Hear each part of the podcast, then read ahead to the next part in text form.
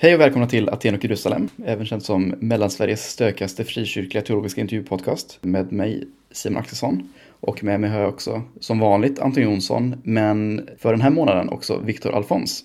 Ja, det är jag. Det är du. Kul att vara här. Också känd som Ghost of Christmas Past från förra avsnittet. Eller från förra gången du var med. Ja, precis. Med Lennart. På grund av din spöklika röst i, från din, dina hör, hörlurar. Nej, vad heter det? Ja. Headset. Kul att ha med, kul att ha Ah. med dig igen. Du var ju och var så behjälplig och var med Anton i samtalet här med Mikael Grenholm. Ja, det var kul. Eh, Ni sågs väl alla tre där i Linköping? Mm. Precis, hemma hos mig faktiskt. Första gången jag tror att vi hade en intervju i min eh, lägenhet.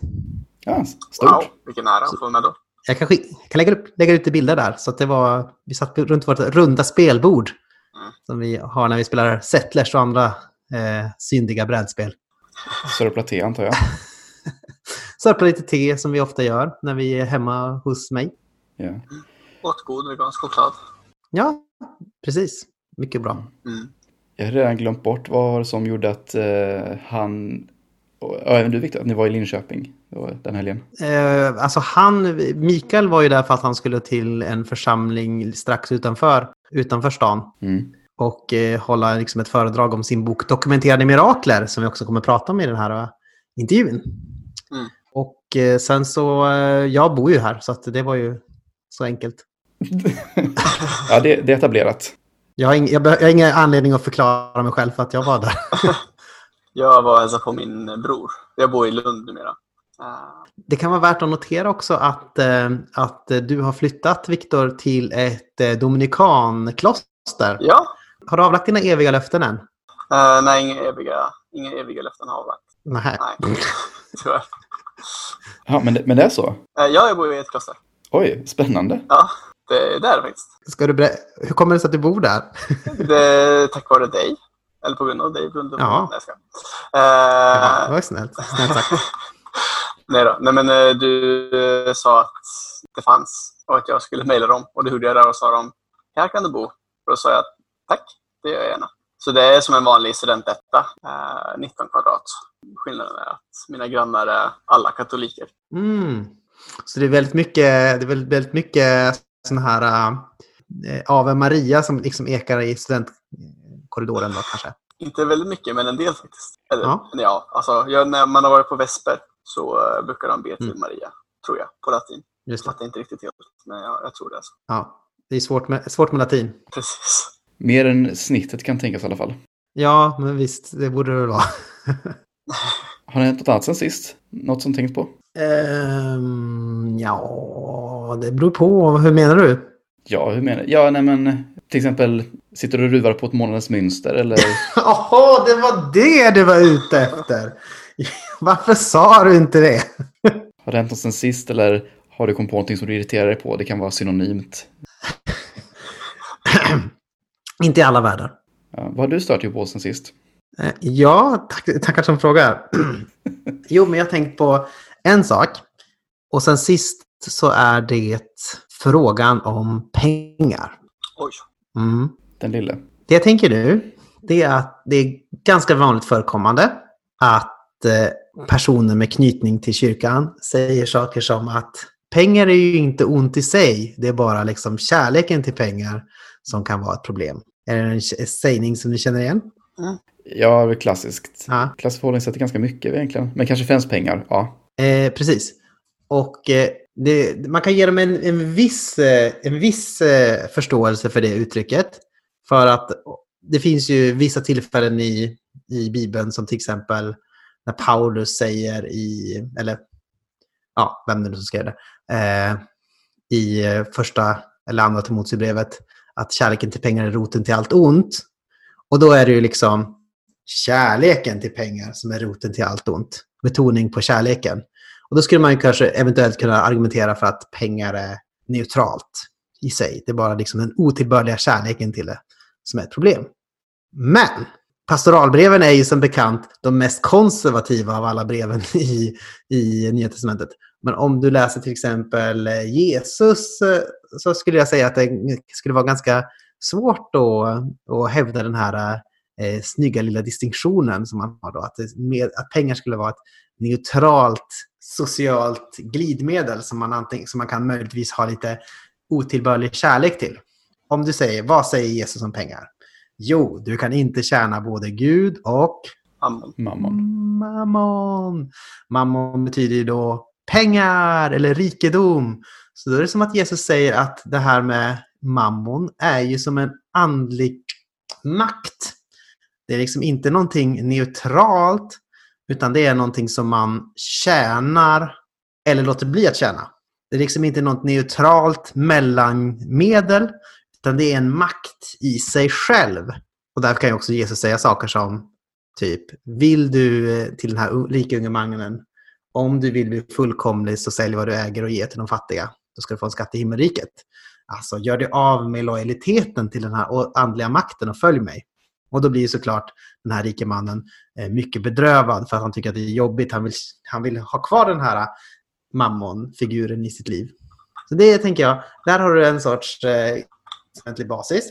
Och här skulle jag vilja passa på att utveckla vad jag skulle vilja kalla en demonologi om pengar. Oh.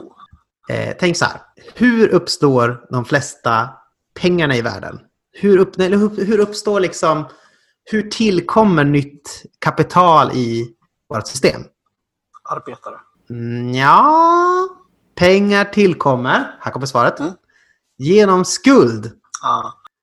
Det är så här att när du eh, går till en bank och säger jag skulle vilja låna en miljon 500 000 kronor för att köpa en relativt billig bostadsrätt eller vad det nu är, kan vara Mm. där, du, där du bor. Då skapas de här pengarna som du använder för att betala Mm. ur tomma intet när du tar den här skulden. Eh, banken har ju väldigt lite täckning egentligen för, eh, för det man lånar ut. Utan man har några procents täckning eh, i faktiskt kapital. Utan de mesta pengarna uppstår liksom ur tomma intet. Och så här ska man kunna säga att across the board från, i hela världsekonomin så genereras pengar framför allt genom skuld. Så vad är då pengar i sig själv?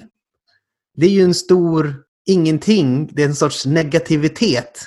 Eh, ett sorts stort minustecken som svävar i, i himlarymderna.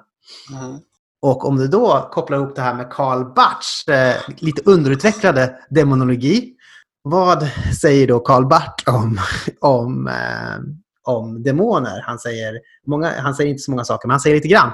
Han säger att demoner kan inte förstås som ett varelse i sig själv, utan bara som en sorts eh, negativitet, en sorts eh, antivarelse kanske man kan säga. Någonting som inte är någonting i sig själv, men som ändå har en, liksom en makt på något sätt. Som ett sorts mörker är ingenting i sig själv, utan bara en avsaknad av ljus. Så är demoner kanske ett sorts icke-vara, men som ändå påverkar mycket människor och sådär.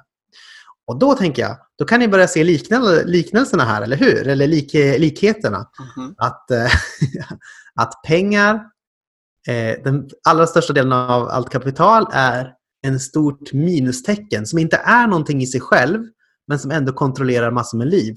Och demoner i Karl Barths värld är som ett sorts brist på vara som ändå kontrollerar eh, och som liksom på något sätt styr människors liv.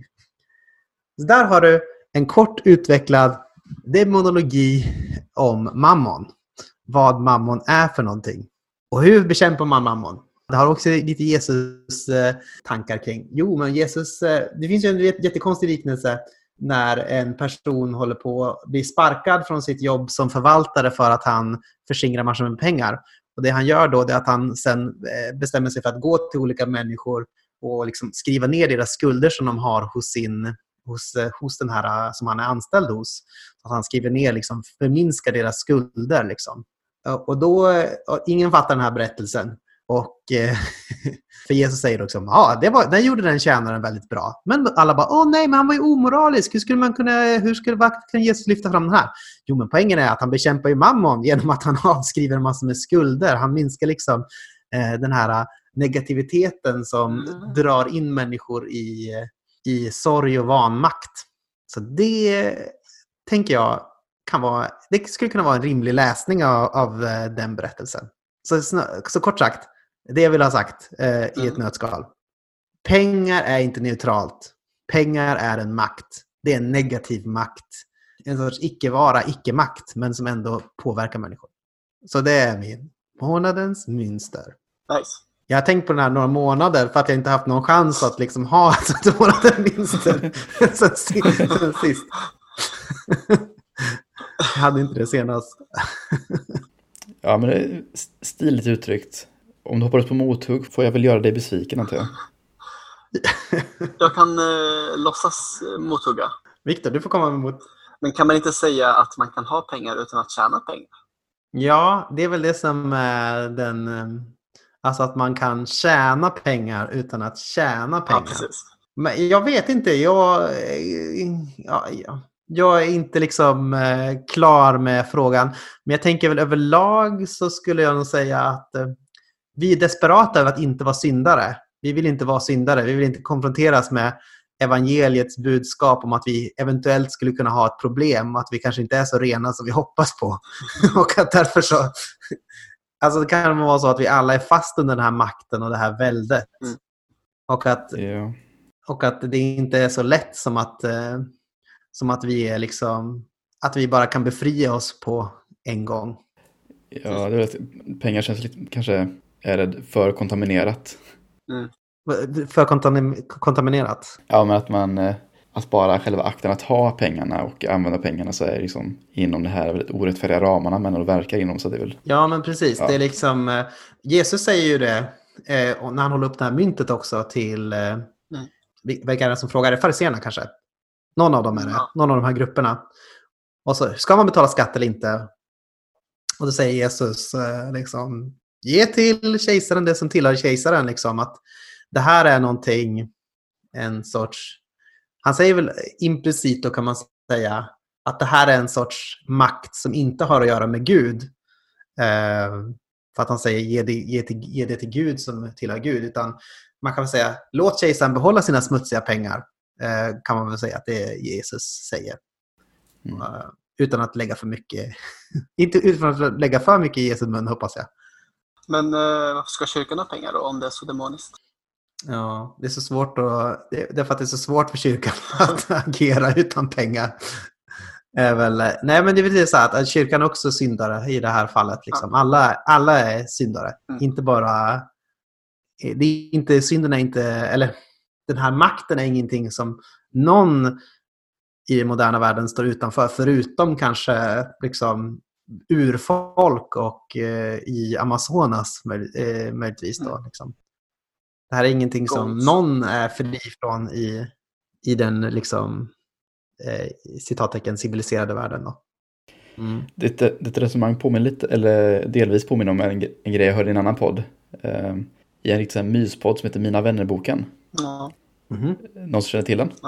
Eh, det låter som att det är det som är, som man, är det som baserat på du vet, så här, mina vännerböcker som jag fyller i. Jag gillar lasagne och grönt. Typ. Ja, lite så. Det är det klassiska utformandet som en Mina vänner-bok. Mm. Den leds av komikern Robin Berglund och så bjuder han in olika människor som får som då fylla i den här sidan i Mina vänner-boken.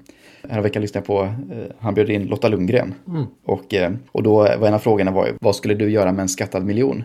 Eh, Man minns inte hennes svar, men hon bollade tillbaka frågan till honom då och han sa, ja, betala tillbaka lån antar jag, men det är ett så himla tråkigt svar. Och sa, nej, nej, alltså, tänk så här liksom att, att när du betalar tillbaka lån, liksom, det, är som, det är som att du rånar banken. Liksom, det, det, är som, Jo, det är men- ju det, är det bästa du kan göra. Och bara, ja, det har det bara med rätt i. Mhm.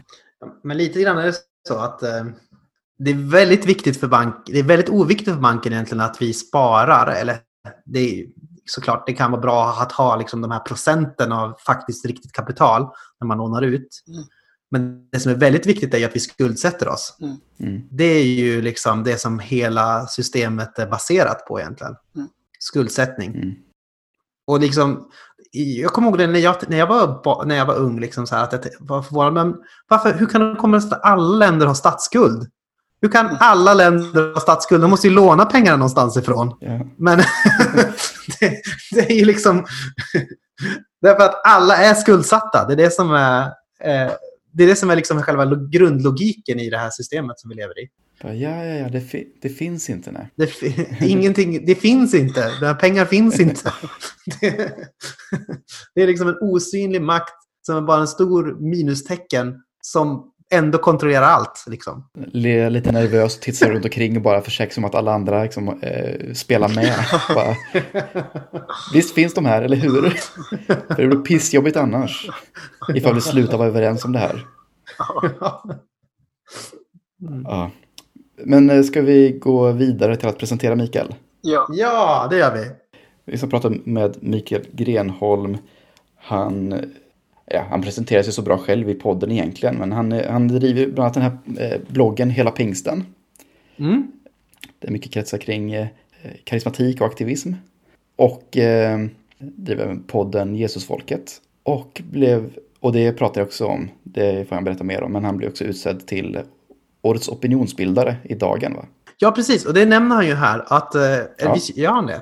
Det kanske han inte gör. Han nämner det. Men då hade han inte vunnit det än. Men nu har han vunnit det. Så vi kan Ja. säga grattis till Mikael. Ja, så, så var det. Ja, men grattis. Ja, du var nominerad och nu är det klart. Precis. Och då har han gjort för det här testet eh, Är jag kristen nu? Eh, som ni kan söka på. Men som handlar liksom, det är Migrationsverkets frågor helt enkelt som man har. Som man, så Migrationsverket o, orimliga frågor till konvertiter som man kan Mm, göra testa sin egen, eh, testa sin, man kan testa sin egen tro och, eh, där, och på så vis Mm. visa hur orimligt eh, Migrationsverkets test är när det kommer till frågor som handlar om folks väl och ve. Precis. Ehm, Ja, men det är väl det. Visst nämnde vi dokumenterade mirakler? Att han har skrivit en bok om dokumenterade mirakler. Alltså mirakler som det finns Mm. läkarintyg på och sånt. Och eh, vi pratar väldigt mycket om det i intervjun. Så. så det kommer vi få reda på mer om. Är det något mer? Eller vi ska vi bara rulla in det? Rulla in röda mattan och låta Mikael träda in i eh, poddrummet. För all del, vi har nog pågått tillräckligt här.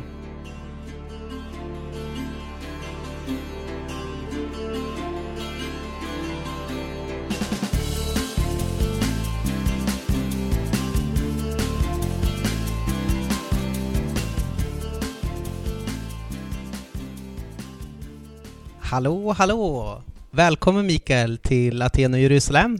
Tack så jättemycket. Rakt från mitt eh, vardagsrumsbord. Ja, nej, men precis. Jag är lite besviken om vi varken är i Aten eller Jerusalem. Nej, Men precis. Det är Linköping lite false branding eller vad man ska säga. Att, det- ja, Linköping och Örebro vore det riktiga namnet, men det vore så här, vad symboliserar Linköping? Vad symboliserar Örebro? Ingenting. Nej. Örebro är ju staden där. Det var någon fred med Napoleon tror jag som slöts där eller något sånt där. Jag tror att det står på någon gata, för det är en gata som heter Fredsgatan. Ja. Ja. Och vi har haft, i Linköping har vi haft ett blodbad. Ja. någonting. Precis. Ja, precis. Ja, men Krig och fred. krig och fred, det är väl det som är, vi representerar. Eh, det var här som Hans Brask bodde också, i Linköping. Han som satte den här lilla lappen där det stod, han hade så stort civilkurage, han satte en liten, liten anonym lapp där han sa att jag reserverar mig mot det här beslutet som gjorde att han eh, blev, ja, han blev inte dödad. Vem var det han inte blev dödad av? Han blev inte dödad av typ antingen Gustav Vasa eller Kristian Tyrann. Typ Kristian Tyrann var det säkert han inte blev dödad av. Eller? Mhm. Mm. Säkert. Och det är ursprunget till brasklapp. Brasklapp, ja. Precis. Mm. Eh, Mikael, jag tror att rätt många lyssnare vet eh, vem du är. Eh, men det finns säkert några, eller någon där ute som inte vet vem det är. Så hur skulle du presentera dig för dem? Ja, eh, det är en väldigt bra fråga. Jag är pastor i en församling som heter Mosaik i Uppsala. En husförsamling. Och så är jag väl teolog, tror jag man kan kalla mig. Har en kandidat i teologi, läser master nu i kyrkohistoria på Uppsala universitet.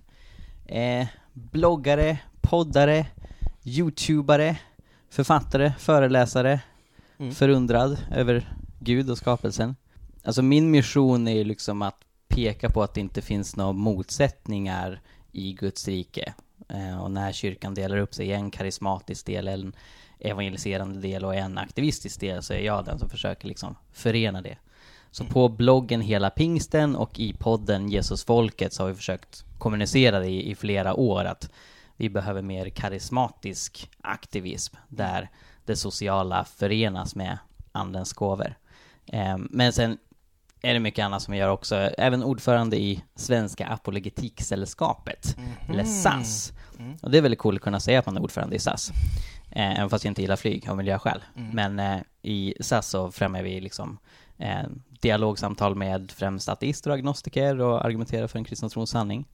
Mm. Eh, så det är runda slängar det jag ägnar mig åt. Just det, det låter ju spännande. Vad skriver du din master om, eh, om man får fråga? Jag tänker skriva om eh, frikyrkliga vapenvägrare. Åh, kul. Ty det verkar inte finnas nästan någonting skrivet om dem. Det finns en avhandling om en debatt i Missionsförbundet på 20-talet om huruvida man ska vapenvägra. Men det här fenomenet med att mängder med pingsvänner och baptister och andra vapenvägrade under 60, 70, 80-talet har ingen forskat på. Mm. Och när jag insåg det så tänkte jag wow, kunskapslucka. Roligt att fylla i. Det var ju verkligen liksom default-läget på många sätt, alltså äh, vapenvägran. Det är ju intressant att den inte... Det här är liksom, grundläget är någonting som inte har utforskats så mycket. Och, Ja, och det är kanske verkligen. också historielösheten Verkligen. som gör så att det är nu så många som tänker att det går att förena liksom krig och kristen Mm. tro. Frågan blev ju nästan irrelevant ett tag i Sverige i alla fall. Och sen nu har den börjat bli relevant igen så det är Ja. jättepassande att, att ta upp det nu. Ja men precis. precis. Eh, Du kommer också från en rätt så namnkunnig familj inom Svenska kyrkan kan man säga. Eh, Men numera är du pastor i en liten, icke samfundsansluten Mhm. eh, församling. Eh, diggar anabaptism och eh, talar i tungor. Oh yeah. Yeah. Hur hamnade du liksom på den andliga resan? Ja, eh, både mamma och pappa är präster och professorer i teologi. Så liksom utifrån grundförutsättningar grundförutsättningarna så skulle man kunna tänka att ja, Mikael Grenholms bana är utstakad eh, i förväg. Eh, men i mina yngre tonår så trodde jag inte på Gud. Och det var inte en så här öppen rebelliskhet att jag gick runt och hade ateist tatuerat i pannan utan eh, det var mer liksom att, att eh, jag inte förstod poängen med att tro på Gud, ingen av mina klasskompisar gjorde det. Eh, Gud fanns inte med i min världsbild. Eh, men när jag var 15 så hade jag en väldigt dramatisk omvändelseupplevelse. Eh, och det är en lång historia, men väldigt kortfattat så insåg jag att utan Gud så kan jag inte befrias från döden, då kommer döden fullständigt segra. Eh, men Jesus kan ge mig evigt liv och när jag bad att Gud skulle bekräfta det och visa sig för mig så såg jag Jesus om natten eh, varje kväll i över ett år. Eh, Så när jag slöt ögonen så såg jag en bild av Jesus framför mig. Det var mitt första konkreta bönesvar som jag kan minnas. Eh, Och det satte igång min andliga bana. Eh, I början så var jag ju då i Svenska kyrkan för det var där min familj fanns. Men jag tyckte att det fanns saker som jag läste om i Bibeln som jag inte såg i församlingen. Och jag tänkte väldigt simplistiskt utifrån liksom min ganska begränsade kunskap eh, som jag hade då. Men jag förstod via internet att okej, eh, i Svenska kyrkan tror man inte på mirakler, men det gör man i frikyrkan med stort F. Så då går jag till frikyrkan istället. Mm. Sen har jag med tiden upptäckt eh, fantastiska svenskkyrkliga sammanhang, även om också dopsynen kom att spela en viktig roll, för jag blev väldigt tidig baptist. Eh, så sen så döptes jag i Korskyrkan i Karlstad, och när vi flyttade till Uppsala så hittade jag mosaik och engagerade mig där. Och jag och min fru Sara är pastorer där sedan ett år tillbaka. Det känns som att det är ju... Det tycker jag verkar ofta vara ett traumatiskt liksom, ställningstagande för många, liksom, när man bryter med sin kanske tidigare svenskkyrkliga tradition där med, med att man troende döps. Så. Var det liksom ett svårt eh, ställningstagande för dig eller var det liksom mer eller mindre självklart? Ehm, jag var väl först lite besviken över att jag var barndöpt. För för mig var det så väldigt tydligt, det var när jag var 15 som jag blev kristen. Innan dess hade jag inte fattat någonting. Ehm, och liksom så här, jag hade inte brytt mig. Men jag tänkte okej, gjort är gjort, nu är jag barndöpt. Sen så var det andra i Korskyrkan där jag började engagera mig som döpte sig fast de var barndöpta. Och jag liksom, wow, är det en grej? Ja men då skulle jag väl också göra det. Och, och mamma sa ju liksom, ja, nej men jag välsignar dig på din väg sa hon. Eh, Så jag håller inte med, men, men liksom, jag tycker det är bra att du väljer din egen väg. Pappa blev, blev ganska förbryllad över detta, hade långa samtal med mig om har du verkligen tänkt igenom det här. Eh, men, men kunde också sälja det till slut. Eh, så för mig så var det inte nå, alltså, någon egentlig omställning i hur jag tänkte, för att när jag var passivt med i Svenska kyrkan, då tänkte jag inte kring dopsyn. Och när jag sen började tänka tänka kring dop, det var när jag läste Bibeln och utifrån när jag läste Bibeln tyckte jag det var tydligt att det hängde samman med att själv komma till tro. Du har en rätt radikal Jesuscentrerad praktisk kristendom. Var det ett liksom, frö som fanns slumrande i den tro som du, som där det liksom något som du hörde om? Eh, eller vad den, skulle kalla den för nyupptäckt? Jag skulle kalla den nyupptäckt. För att jag hade väl någon form av barnatro när jag var liten, bad Gud som haver tillsammans med pappa liksom på kvällen. Eh, men vi, vi pratade förvånansvärt lite om teologi hemma. Alltså den teologi som mamma och pappa pratade om, nu pratar de med liksom kollegor som kommer på middag och då är det långt över huvudet på vår nivå. Va? Eh, så det var så lite som, som vi begrep när vi var små. Eh, så nej men jag, jag hade liksom inte fått med mig någon liksom Jesuscentrerad teologi på det sättet, utan det var ju när jag själv började öppna Bibeln. Och jag gick direkt till evangelierna därför att det som lockade mig till Bibeln var just budskapet om evigt liv. Som jag för övrigt hörde en vanlig gudstjänst i Svenska kyrkan med trosbekännelsen. Vi tror på de dödas uppståndelse, det är evigt liv. Så jag liksom började läsa det Jesus säger om evigt liv och det var liksom bomull för själen. Från att ha väldigt djup dödsångest till att höra budskapet om att det finns eh, en befrielse från döden. Eh, så ja, Jesus var ju min tillflykt. Jesus var den som, som gav mig evigt liv. Eh, för första gången fattade jag liksom anledningen till att han dog snarare än att det bara var liksom en historisk händelse. Eh, så, så det var väldigt naturligt för mig att fokusera på Jesus och sen när jag kom till bergspredikan och ser hans etiska undervisning om att älska sina fiender och inte samla skatter på jorden och hjälpa de fattiga, då tänkte jag okej, okay, och, och, det är liksom så här, det var, det var fascinerande enkelt och naivt av mig. Liksom bara, alright, okej, okay, då blir jag pacifist och eh, då, då, då, så, då så säljer jag mina tv-spel och ger pengarna till de fattiga. Alltså så här, det fanns ju en kamp där också, det var, det var liksom svårt att sälja GameCube, men Ehm, det var något jag gjorde i lydnad och liksom utifrån hur, hur jag uppfattade Jesus.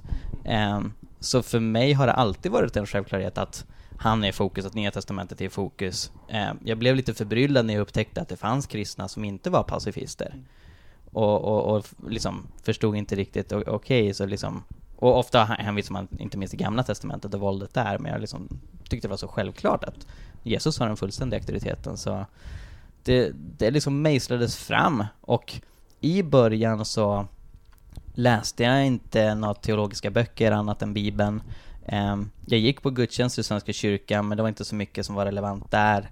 Ehm, för att det var en väldigt så här ehm, gudstjänster anpassade efter barn och familjer. Så det var liksom berättelser och, och draman och sådär, men inte så mycket undervisning. Och allt det gjorde väl liksom var att, ja men det var min egna bibelläsning som formar ganska mycket. Och den var ju förstås inte neutral, den är ju baserad på min förförståelse och vilken översättning jag läser och så vidare. Men, men på något sätt kan jag ändå uppskatta det att jag inte krävde att någon tar mig i handen och ska leda mig in i en väldigt specifik samfundstradition. Utan jag satt själv med min bibel och landade i stort sett i samma övertygelse som jag fortfarande har. Och idag kan jag fördjupa dem ännu mer och motivera dem ännu mer, motivera min Jesuscentrerade teologi, men liksom all, allt det var saker jag snappade upp ganska direkt när jag började läsa Bibeln.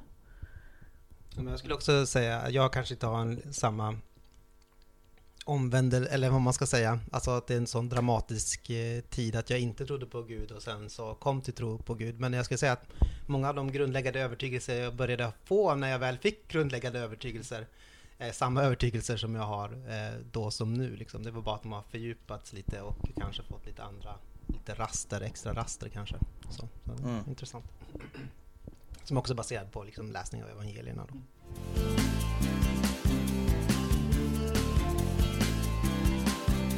En bok som du nyligen har skrivit är Dokumenterade mirakler, vetenskap, helande och Guds existens. Och jag tänker på ett sätt att titeln är rätt så självförklarande. Eh, du skriver om vetenskapligt oförklarliga tillfrisknanden efter bön, eh, VOTEB. Ja. Eh, och utifrån det argumenterar du för Guds existens.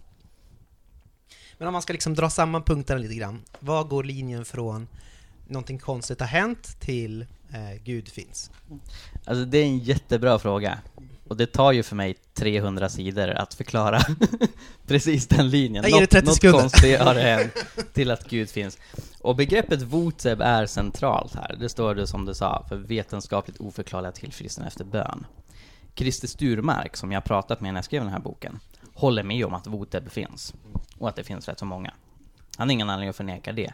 Han menar dock att alla voter beror på naturliga fenomen. Så när någon blir frisk efter bön och läkaren inte kan förklara det vetenskapligt, då är det för att det finns ett naturligt fenomen som vi inte upptäckt än med vår vetenskap. Och min tes är att det är teoretiskt möjligt, men det är osannolikt att alla voteb skulle bero på det. Så i boken samlar jag ihop över 50 exempel på när läkare säger att här har det skett någonting vi inte kan förklara och det går att se att det finns en tydlig koppling till bön. I flera av de här fallen så är det dessutom kombinerat med att man får ett profetiskt ord, en förutsägelse om man ska bli frisk eller någon ser att en ängel kommer med ett budskap om att du ska bli frisk och så vidare. Och det brukar ateister vanligtvis avfärda som hallucinationer och inbildning och så vidare, men när det staplas ovanpå att folk på riktigt blir friska på ett sätt som läkarvetenskapen inte kan förklara, då stretchas naturalismen ut. Så jag menar att här finns det ett, ett rätt så bra och, och rigoröst argument för miraklers existens. Och sen om man etablerar att mirakler är något som på riktigt finns, så tycker jag det är ganska enkelt att visa att det finns någon form av gud. Jag håller fortfarande på ett religionsneutralt plan. Så inom apologetiken så särskiljer man på Guds argument som är allmänna, generella, som även en muslim eller jude kan använda sig av, och de som är mer specifikt inriktade på kristendomen. Och jag har valt att göra det här till ett mer generellt argument. Så egentligen om någon kommer med voteb från en annan religiös tradition så omkullkastar inte det min typ av argumentation. För det jag ser att oberoende var vi hittar dessa voteb eh, så innebär de att mirakler finns, och om mirakler finns så finns en övernaturlig verklighet. Och vad förklarar bäst att den övernaturliga verkligheten existerar? Jo, jag menar att det finns eh, en liksom allsmäktig grund bakom det hela. För om man tänker sig en så här renodlad polyteism där det finns massa små gudar med litet g och ingen allsmäktig gud som liksom eh, står bakom dem eller avgör vilken av dem som ska ha vilken typ av kraft och så vidare. Då får man en ganska eh, ologisk och motsägelsefull verklighet. Och för vissa som typ hinduer, de bryr sig inte för att de brukar inte betona logik särskilt mycket. Eh, men i och med att hela resonemanget som jag har fört dittills har baserats på logik och det är något som ateister och naturalister normalt brukar gilla, eh, så tycker jag att eh, då bör man säga att det finns en gud i grunden. Även om miraklerna teoretiskt skulle vara orsakade av andra saker som änglar. Så det faktum att miraklerna sker innebär att det måste finnas en gud någonstans. Spännande. Vad skulle du säga var det som överraskade dig mest när du skrev den här boken? Det som överraskade mig mest var nog hur många voteb som finns. Tyvärr så hann jag inte riktigt ta med lika många svenska fall som jag ursprungligen hade önskat. Jag kastade ut typ 20 metkrokar och av dem så var det 9 som jag faktiskt lyckades hova in. Um, främst på grund av att men, vissa har varit med om någonting spektakulärt men har svårt att få tag på journaler och sådär eller så. Men eh, även av de 20 så var det ett litet urval. Och sen har jag med ett gäng internationella fall då som är ytterligare 40. Och där finns det hur mycket som helst. Alltså om man bara tar katolska kyrkan, så de har ägnat sig åt att dokumentera voteb i över 500 år. Så det finns en väldigt stor rikedom här. En studie från 2004 från USA visade att ungefär 55 procent av läkarna där har sett vetenskapligt oförklarliga tillfrisknanden. Och i och med att USA är ett väldigt religiöst land, där läkarna enligt samma studie i två tredjedelar av fallen själva uppmanar patienterna att be, så är det ganska rimligt att tänka sig att många av dessa oförklarliga tillfrisknanden sker i samband med bön. Och i och med att det finns en miljon läkare i USA, så hintar det om att ja, i runda slängar finns ett par hundratusentals voteb i USA. Eh, och, och det, det fascinerade mig väldigt mycket. Att, och, och, det är det som gör också att det blir lite svårt att skjuta det här argumentet ifrån sig. För Voteb är inte ett väldigt marginellt fenomen. Och som sagt, även en ateist som Christer Sturmark kan hålla med om, ja det här finns. Um, men jag tycker som sagt att det blir väldigt utstretchat och väldigt krystat. Att säga att Voteb alltid måste bero på naturlagar och naturfenomen som vi ännu inte har upptäckt. Och bara utifrån det relativt enkla filosofiska resonemanget så tycker jag att det är väldigt tydligt att mirakler är något som på riktigt sker. Eh, och jag hade inte varit riktigt så beredd på att det skulle vara så enkelt så att säga att, att faktiskt visa det. Eh, men, men jag tycker att det, det är väldigt straightforward och intressant nog, en annan grej som har förvånat mig är att flera ateister som har läst boken och kommenterat den, den riktning de vill att gå är att de ifrågasätter vetenskapen. Så de ifrågasätter läkarnas vetenskapliga bedömning och hävdar att när de säger att det är vetenskapligt oförklarligt så begår de misstag. Och visst, det är teoretiskt möjligt att de går misstag, men det blir samma sak där. Hur sannolikt är det att det alltid beror på att läkarna har gjort fel? Ehm, och att de väljer att ta den rutten tycker jag talar för att argumentet som jag utvecklar är väldigt starkt. Ja, jag tycker du, du slängde någon gång, tror jag, siffran 500 000 eller något sånt där. 500 000 Voteb eller något, Mm. tycker jag har sett. Så, ja, en uppskattning. Jag kan säga att jag håller med dig rätt rakt av när det kommer till kritiken av naturalismen, alltså den här världsbilden som liksom och förhand utesluter eh, mirakler som en möjlighet. Men det som jag funderar på lite grann, det är om ett så här starkt fokus på mirakler som liksom tillfället då Gud agerar eh, på ett sätt gör Guds agerande lite väl begränsat. Eh, jag tänker så här, innan moderniteten och upplysningen och så, så fanns det ju ingen stark liksom, bodelning mellan övernaturligt och naturligt, utan Thomas Aquina kunde ju säga eh, nåden, fullkomna naturen och så vidare. Och eftersom Gud inte är en del av skapelsen, inte är en sak i den, eh, så konkurrerar han inte heller om utrymme med naturen, så att säga, eller med skapelsen. Och dessutom tänkte man sig innan upplysningen att en händelse kan ha flera olika or- orsaker. Mm, sen kom Ockhams rakkniv och rakade bort alla onödiga eh, orsaker. Eh, och därför kan ju en händelse, med, den här, med de förutsättningarna, så kan ju en händelse vara både Gud, så att säga, och naturlig. Eh, och jag funderar på, är inte risken lite grann med ditt projekt att man får intrycket av att Gud endast agerar eh, när inget naturligt fuffens liksom står att finna? Och där blir Gud också någon som kanske agerar rätt sällan, egentligen kanske i 500 000 fall, men inte så mycket mer. Liksom. Eh, vad, vad tänker du om det, eller är det, är det liksom ett fel sätt att tänka om din bok? Ehm, nej men absolut, alltså jag håller med om att det är så vi teologiskt bör se av, på världen. Att Gud handlar i miraklerna, men Gud handlar mycket mer än bara de liksom väldigt direkta övernaturliga ingripanden, Alltså Gud bär hela skapelsen i sin hand. Så när man teologiskt diskuterar mirakler, eller exegetiskt går tillbaka till vad de bibliska författarna tänkte sig, då tror jag man behöver prata om mirakler på ett lite annat sätt. Jag har ju formulerat min bok utifrån den naturalistiska kritiken av kristendomen, som går ut på att det övernaturliga inte finns. Och där är ju naturalisterna som, är, som förutsätter att det finns en uppdelning mellan naturligt och övernaturligt. Den definition av natur som jag använder mig av i boken är universum och allt inom det.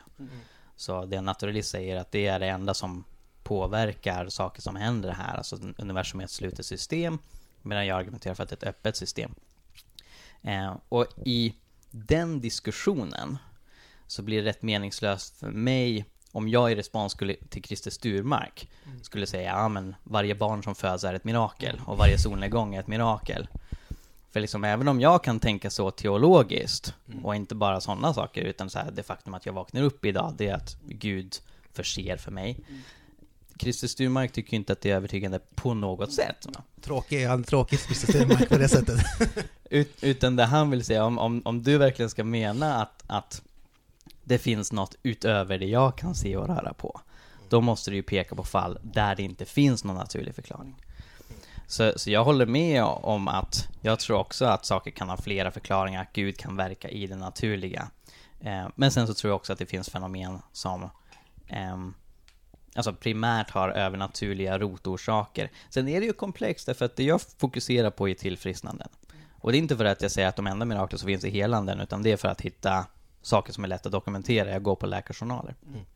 Och alla tillfrisknanden involverar kroppar som är naturliga. Så miraklet här är ju att om man tar till exempel Maria Johansson som jag skriver, som höll på att bli helt döv. Eh, läkarna hade gett upp på henne, cellerna i hörselsnäckan hade dött, men på en gudstjänst får hon tillbaka hörseln. Och läkarna kan inte förklara det. Hennes läkare sa, du kan kalla det ett mirakel.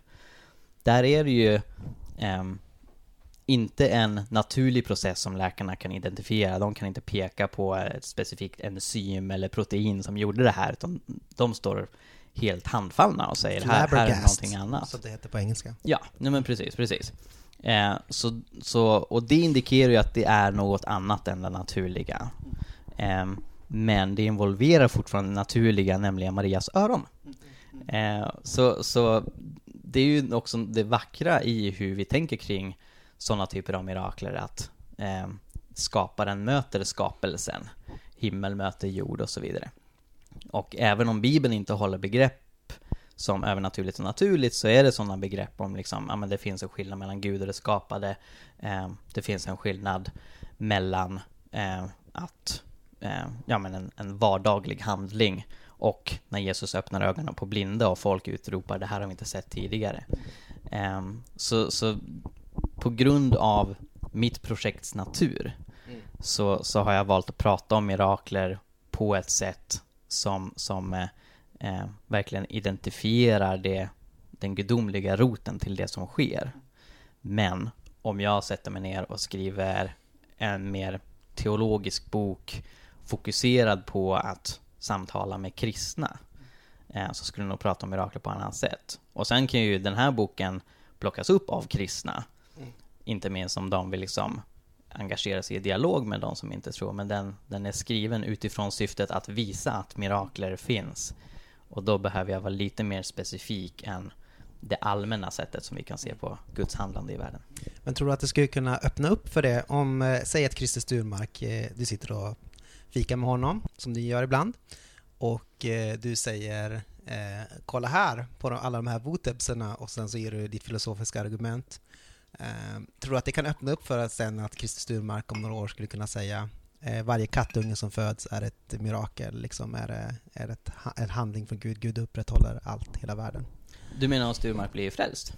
Ja, ja men eller tänker du, eh, kommer det leda till det ena till, det, skulle det kunna leda till det andra liksom, eh, steget tror du?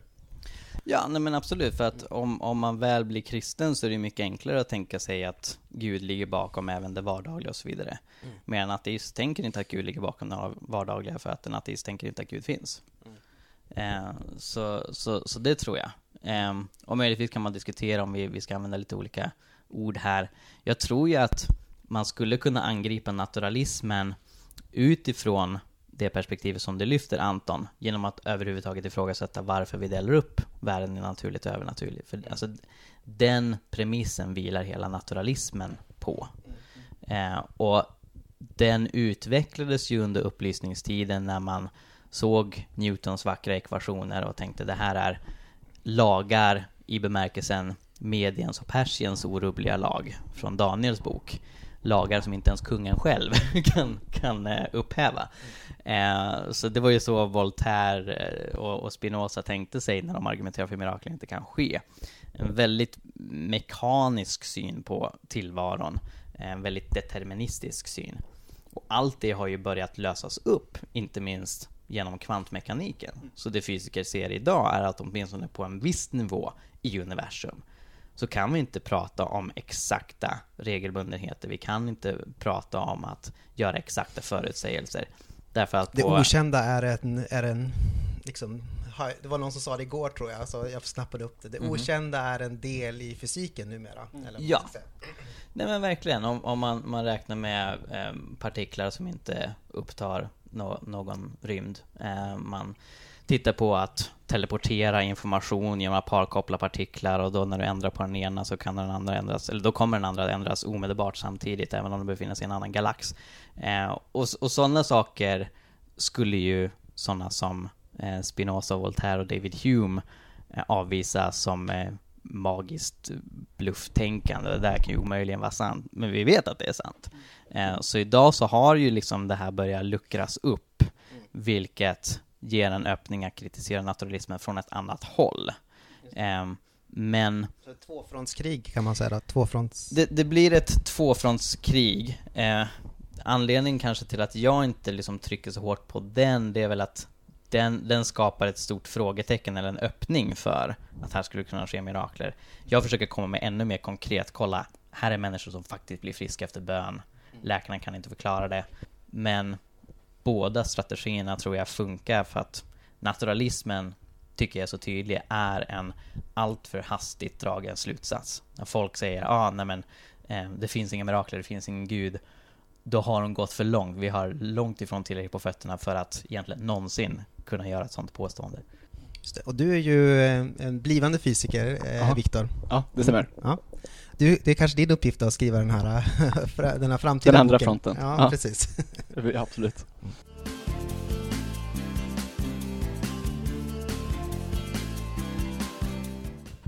Eh, Jag brukar ibland eh, säga så här att det inte finns några bevis för eh, trons sanning, utan det, det som finns är vittnen. Att vi har en lång kedja av vittnen som går från kvinnorna i graven till oss, som liksom håller ihop. Och jag kanske tänker att berättelserna från din bok är ju mer vittnesbörd om trons sanning. Eh, Men eh, du kanske är mer av en, som jag kallar här, beviskille. Eh, Tänker du på de här berättelserna mer som bevis liksom för, för trons eh, sanning? Så.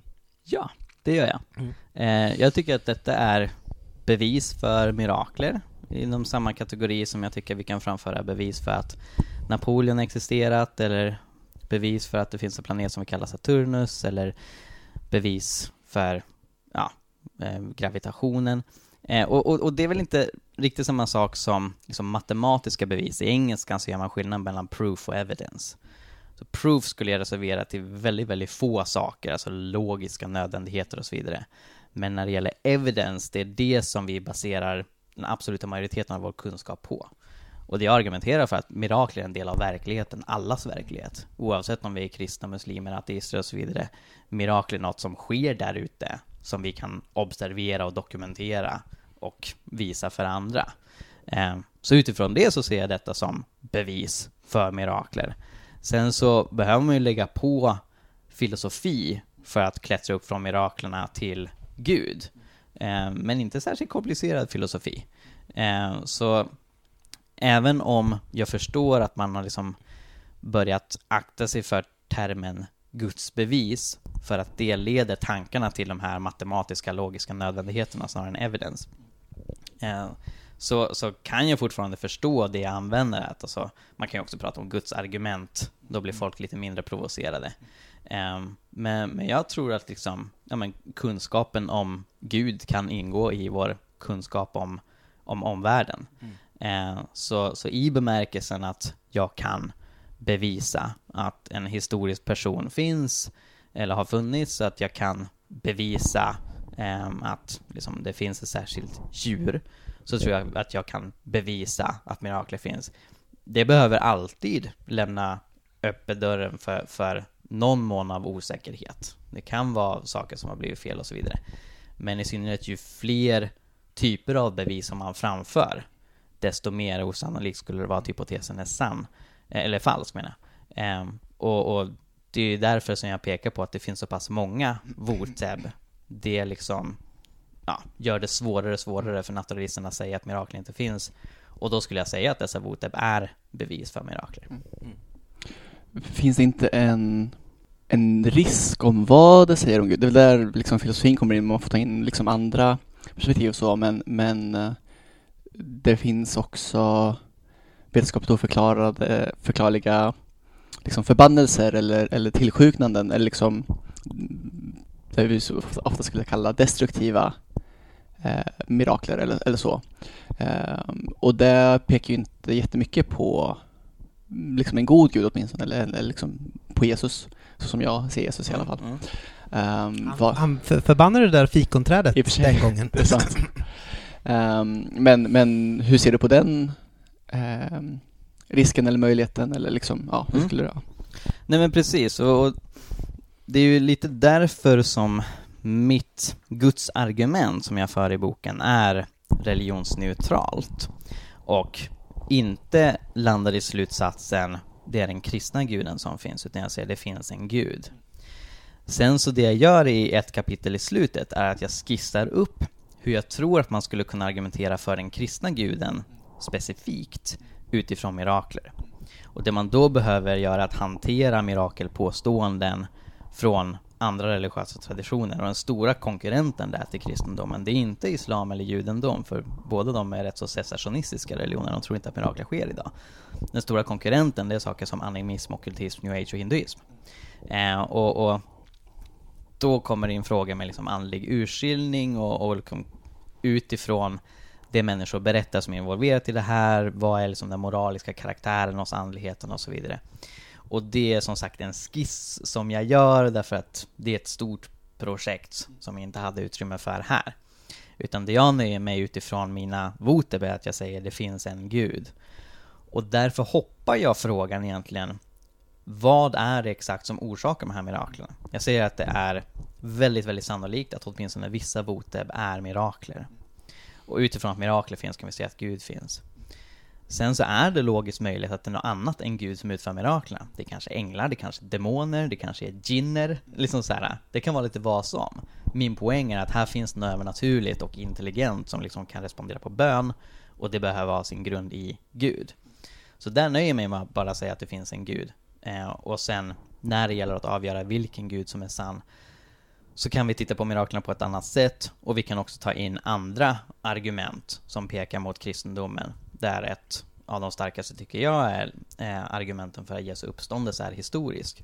Ett argument som dessutom får stöd av det argument som jag har lyft fram. För om man kan peka på att mirakler är något som sker idag så ger det kredibilitet åt hypotesen att Jesus uppstod med hjälp av ett mirakel. Och det är ganska många som avfärdar att uppståndelsen skulle ha skett på grund av att de inte tror att mirakler sker. Och istället väljer naturalistiska förklaringsmodeller kring vad som hände där runt påskdagen som är, tycker jag, väldigt krystade, masshallucinationer och så vidare. Eh, så, så utifrån det så tror jag att vi kan komma närmare om, om vad som faktiskt gäller här. Och jag tror ju inte heller då att bara för att ett mirakel sker så ska vi automatiskt tänka det här är Gud som gör. Ehm, jag har själv inte studerat Voteb inom annan typ av andlighet än kristendom, för kristendom är det jag kan bäst.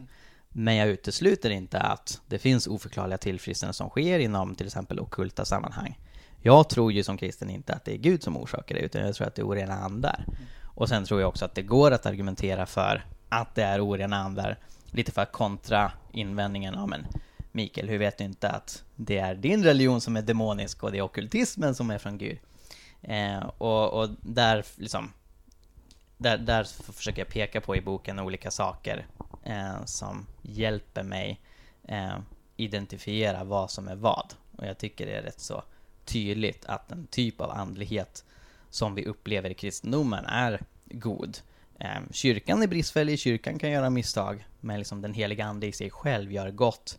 Medan många av de här andarna som man får kontakt med inom ok okulta och animistiska sammanhang, eh, de bygger mycket på förbannelse, mycket på förtryckande och så vidare. Tack. Ja, men precis. En moralisk eh, urskiljning då har du där på slutet. Ja. Mm.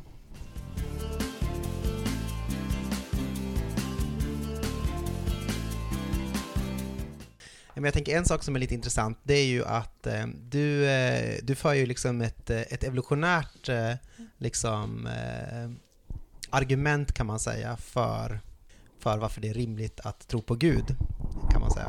Och lite roligt så, man tänker det, att eh, Sjöberg också ungefär i samma veva släpper en bok som är så här väldigt eh, evolutionskritisk. Eh, så. Eller ja, en så här kreationistisk bok helt enkelt. Så, ja, Eh, hur tänker du om det, liksom, att, eh, att, eh, att du för liksom in den, den aspekten liksom, med, med evolution i, i diskussionen om eh, ja, i, i, diskussionen om Guds verklighet? Ja, alltså det du pratar om är Alvin Plantingas evolutionära argument mot naturalismen. Och jag tycker att det är ett av de snyggaste gudsargument som finns. Um, därför att det kommer från hans bok Where the Conflict Really Lies, när han diskuterar idén att religion och vetenskap står i opposition mot varandra. Och han tittar ju på detta utifrån ett strikt filosofiskt perspektiv. Så han undersöker, finns det någon filosofisk, logisk motsättning mellan ett, Gud finns, och två, evolutionen har skett? Och han ser det inte.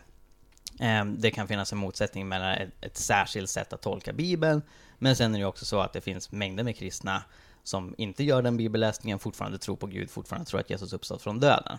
Så i strikt mening går det inte att peka ut liksom en logisk motsättning mellan att evolutionen har skett och att kristendomen är sann. Men det Plantinga identifierar är att det verkar finnas en logisk motsättning mellan att evolutionen har skett och att naturalismen är sann. Och det var ju inget som jag fick höra på en lektionerna i field på många skolan. sätt. Ja, men verkligen, verkligen. Och, och det, det är därför jag tycker det är så spännande. Sen som någon som är ungjordskreationist och så vidare kan använda det argumentet utifrån att ateister själva tror på evolutionen. Så man behöver inte själv säga att evolutionen har skett för att använda Plantingas argument.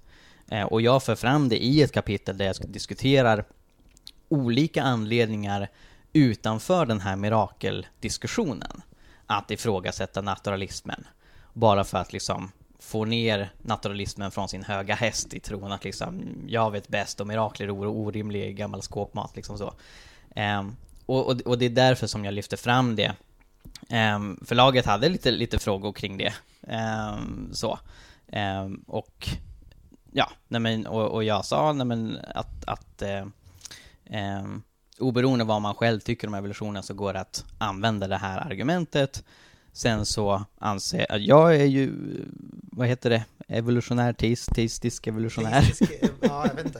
Teistisk Eh, evolution. eh, evolutionär kreationist, tror jag också man kan kalla det.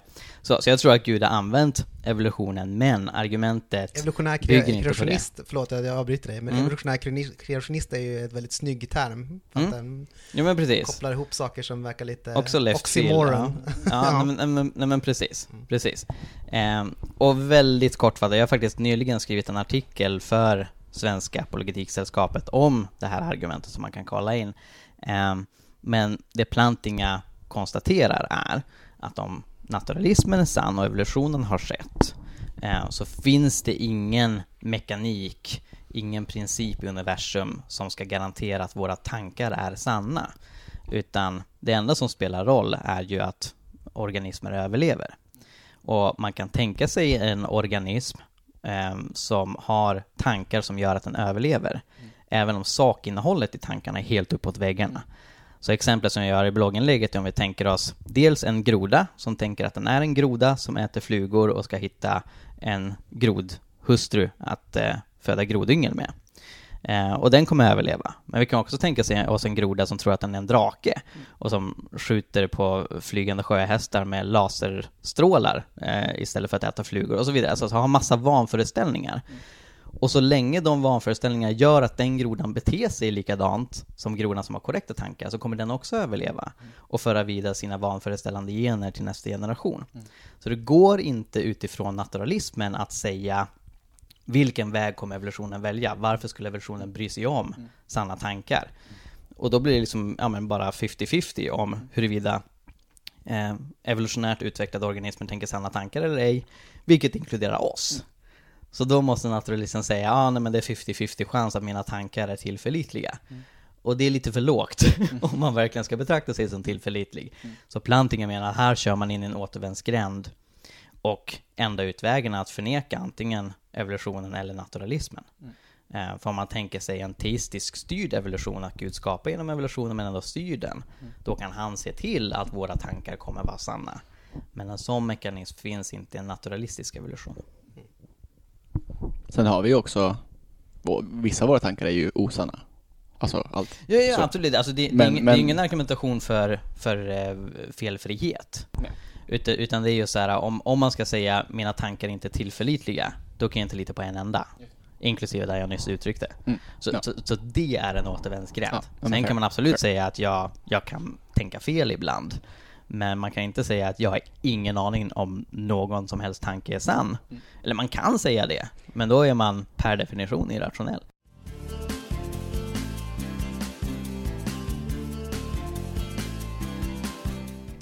Vi byter ämne lite grann. Du är nominerad till Årets opinionsbildare av tidningen Dagen. Eh, detta bland annat för ditt arbete med testet Är jag kristen nu? Ett internetquiz där inte ont anade klickare får ställas inför en mängd orimliga frågor som Migrationsverket ställer till konvertiter som riskerar utvisning om deras tro inte anses äkta. Eh, kan du berätta lite vad födde fram det här testet? Ja, alltså det här är ju rätt fantastiskt. Eh, min vän och församlingsmedlem Sofia Gabrielsson lyfte strax innan förra julen Eh, på så här, sista gudstjänsten vi hade innan alla skulle åka från stan och fira jul.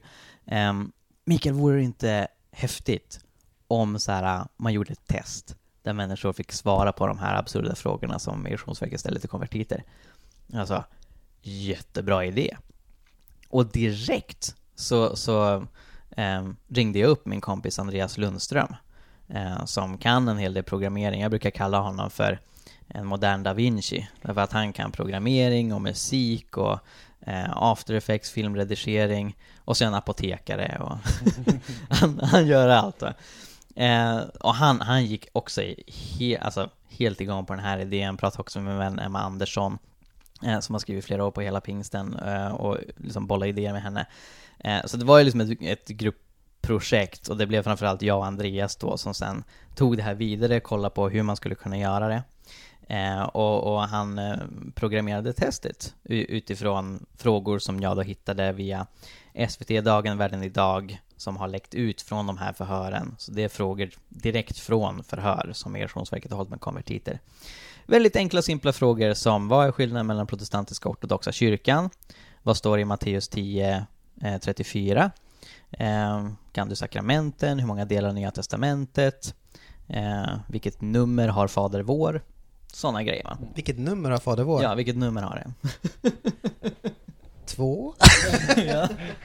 Och, och det är det som är lite tjusigt, alltså flera av de här frågorna märker man att det är folk som eh, absolut inte är kristna, men inte heller har någon särskilt bra koll på kristendomen. Liksom, man kan ju inte direkt ringa upp den protestantiska kyrkan och fråga vad skiljer er från den ortodoxa kyrkan? Eh, men, men ja, så, så vi konstruerade det här testet. Vår plan var att först kontakta så här biskopar och kristna kändisar och teologer och göra liksom en, en beta hos dem, samla in deras resultat och sen gå ut med pressmeddelande och sådär. Mm. Eh, men eh, jag, jag, tror det var min vän Johannes Widlund som var först med att eh, läcka det på Facebook. Mm. För att han och Andreas bodde i samma kollektiv. Så bara, ah, kolla, jag blev så 52% kristen. Och sen, sen så satte snöbollen igång. Mm. Så bye bye pressmeddelanden. och så här, dagen efter det hade läckt ut, det var så här, ja men sent på eftermiddagen, en torsdag eftermiddag. Mm. Och sen direkt på fredag morgon så ringer TT och SVT och ETC och alla möjliga upp eh, och intervjuar mig. Så det var nio mediehus som jag pratade med eh, den fredagen. Mm. En vecka efter det så har hundratusen tagit det här testet. Och eh, enbart 300 av dem hade fått mer än 60% rätt på de här frågorna. Så det illustrerar den poäng som vi försökte få fram väldigt kraftfullt. Mm. Att den här typen av husförhör som Migrationsverket ägnar sig åt mm. är på tok för svåra och väldigt irrelevanta mm. för att avgöra om folk är genuint kristna. Mm. Men det tragiska är ju att det är sådana här typer av förhör som har gjort att hundratals kristna har utvisats till länder som Afghanistan där kristna förföljs och dödas för sin tro. Eh, och, och, i kölvattnet av det här så eh, skedde ju mycket annat. Det var ju också annat som redan var igång som Sveriges kristna råd ägnade sig åt och Pingstintegration hade dragit igång en utredning som sen släpptes inom nätverket Rätt till tro som heter Konvertitutredningen. Så den kom i slutet av mars i år och visade svart på vitt de här problemen, eh, problemen med hur olika nämndemän röstar i migrationsdomstolen, problemen med hur ovetenskaplig och godtycklig Migrationsverkets metoder är. Eh, och jag bjöds in då till det här Rätt till tro-nätverket eh, som, som eh, är baserade i flera olika samfund, Pings, kyrkan, EFK med flera. Ehm, och eh, ja, men vi har ju fortsatt under hela året att driva opinion, lyfta den här frågan, pressa på politiker och informera allmänheten om det här problemet, för tyvärr har det inte upphört. Det lyftes på politisk nivå, det diskuteras i riksdagen, sen släpptes bollen igen. Mm. Och vi försöker ständigt påminna människor om att det liksom eh, utvisas människor till förföljelse mm. på helt eh, alltså knäppa grunder. Mm. Eh, det finns ingen vetenskap som backar upp Migrationsverkets metod. Man kan eh. kalla det lite grann att det är som ett husförhör fast Luther är dum i huvudet, kan man säga.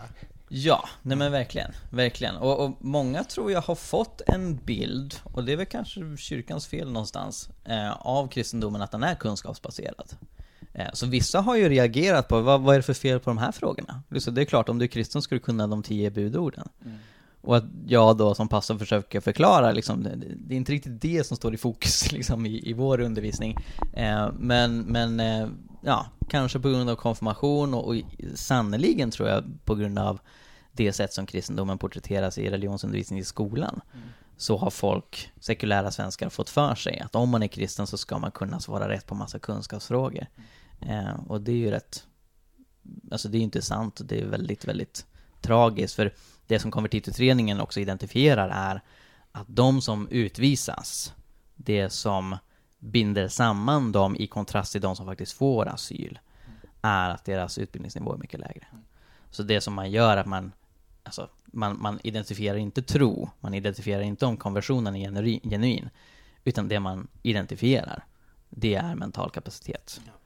Och det är ju extra eh, alltså, hemskt. Och vilka är det som drabbas då också? Man kan, ja men det är ju framförallt ja, men kvinnor blir ju utvisade tänker jag i ganska hög grad. Eh, ja men eh, sådana som inte har fått utbildning, är analfabeter och så här, har ju inte möjlighet att tillgöra sig supersnabbt liksom eh, massor med teoretisk fakta. Liksom. Mm, ja men precis. De som har det värst. Mm. Kan man bedöma tro hos någon? Ja, eh, Migrationsverket har ju lite lutat sig på liksom, svårigheten i den frågan.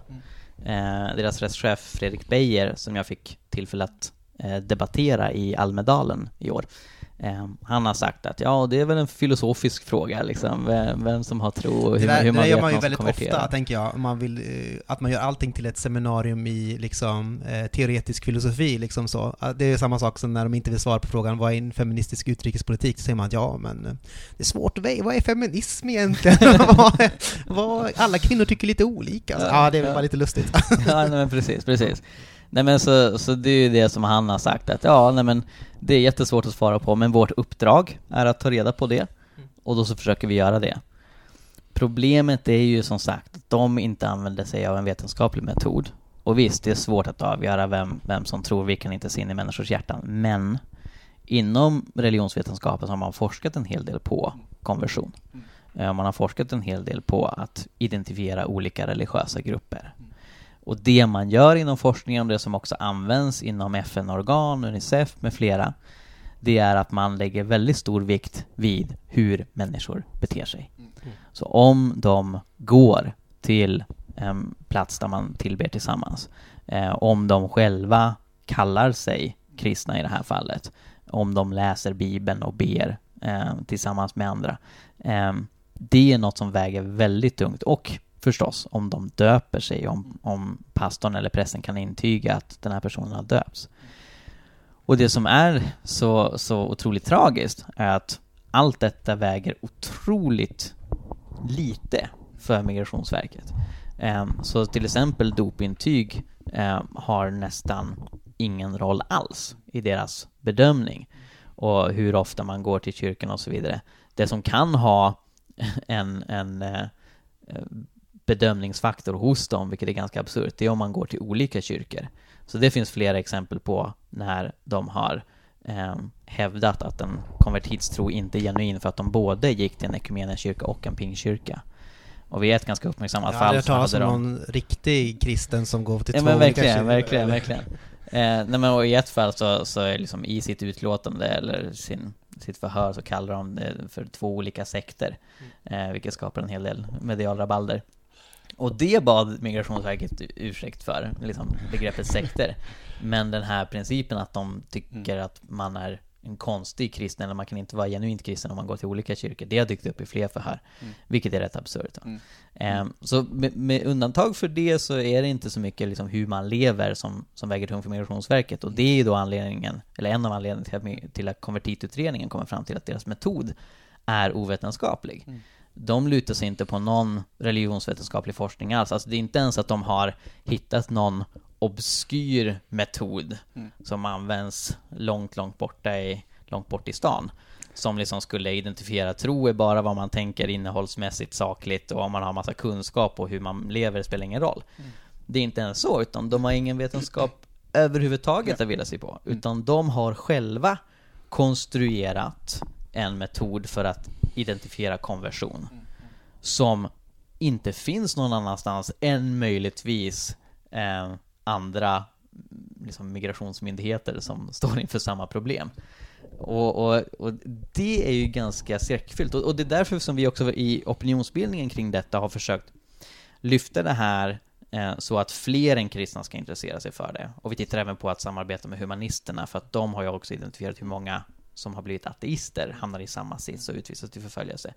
Eh, men det vi försöker peka på är att det här är en större fråga än att bara det, det är så synd och hemskt om de här kristna som blir utsatta. Utan vi behöver också prata om att en myndighet hittar på, på ett väldigt ovetenskapligt och godtyckligt sätt, eh, att identifiera människor som sen ska utvisas till farliga förhållanden. När det inte finns en vetenskaplig här och det finns inte särskilt mycket rättssäkerhet heller, för det man kunde se i konvertitutredningen angående nämndemännen är att Sverigedemokrater i 93% av fallen röstar för utvisning och vänsterpartister bara 15% av fallen röstar för utvisning. Och idén med nämndemannasystemet är inte att man ska rösta enligt partilinjer utan att de ska representera folket. Så när en sån rättsosäkerhet, godtycklighet och ovetenskaplighet får råda ostört inom en svensk myndighet, då är det ett hot mot hela samhällsstrukturen. För vilken myndighet står näst i tur? Då, då kan man, ja, men, inom polisen och det övriga rättsväsendet och sjukvården och allt möjligt, bara, ah, nej men vi tar en ovetenskaplig godtycklig metod istället, så ser vi vad som händer. Eh, och, och, det är därför vi försöker engagera fler att öppna ögonen för det här och, och protestera mot det. Vad är det det kallas, det som är liksom under regeringen, en myndighet? Va? Nej, vad är det som kallas liksom steget myndighet? Och sen så är det re- regering och så sen så är det ett mellanskikt mellan liksom som Ja, ansvar- det är väl departement kanske? Ja, departement tänker jag. Det finns ju... Jag vet inte. Jag kommer inte på det. här. Men det var någon som har sagt till mig att liksom alla myndigheter har ju liksom ett kontrollorgan i princip, förutom Migrationsverket. Liksom. Migrationsverket har ju, har ju en domstol som kan bedöma enskilda fall, men de har ingen, ingen liksom så här överordnad eh, ska vi säga, departement eller något sånt där som liksom bedömer hur de utför sitt arbete. Så det är också en ganska stark eh, liksom, riskfaktor. Vad kan en Jesu efterföljare göra när frågan om konvertiters rätt till asyl och asyl över- överhuvudtaget verkar vara så politiskt död nu för tiden?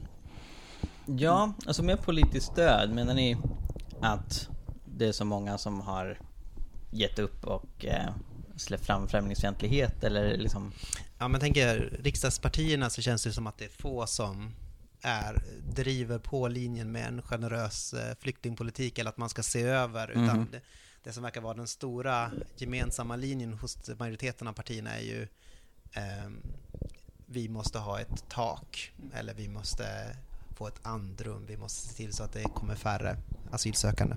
Mm. Ja, nej, men för att på ett sätt är ju frågan inte död i bemärkelsen vi har knappt pratat om något annat de senaste tio åren än migration. eh, och det har skett en radikal omsvängning.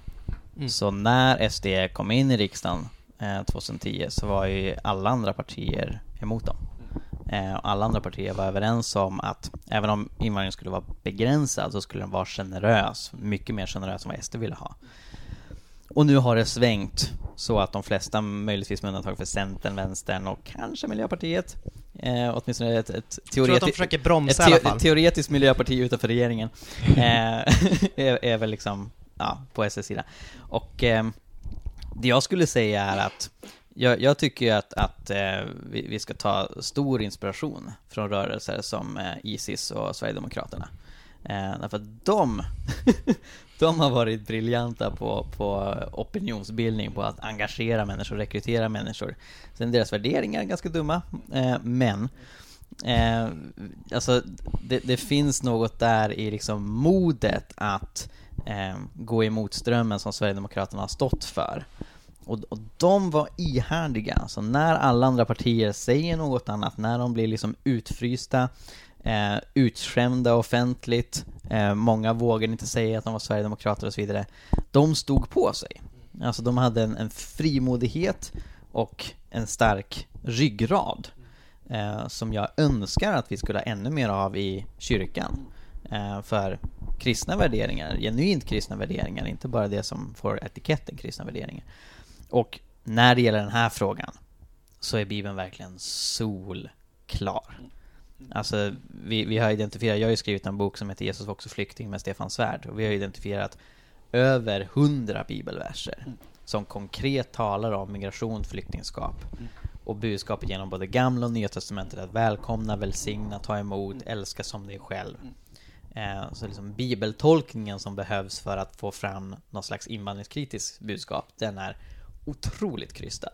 Eh, Så här, här kan vi vara väldigt trygga och säkra som kristna, att oavsett vad partierna säger, oavsett vad vindarna blåser i övrigt, så vi vet vad Guds vilja är i det här.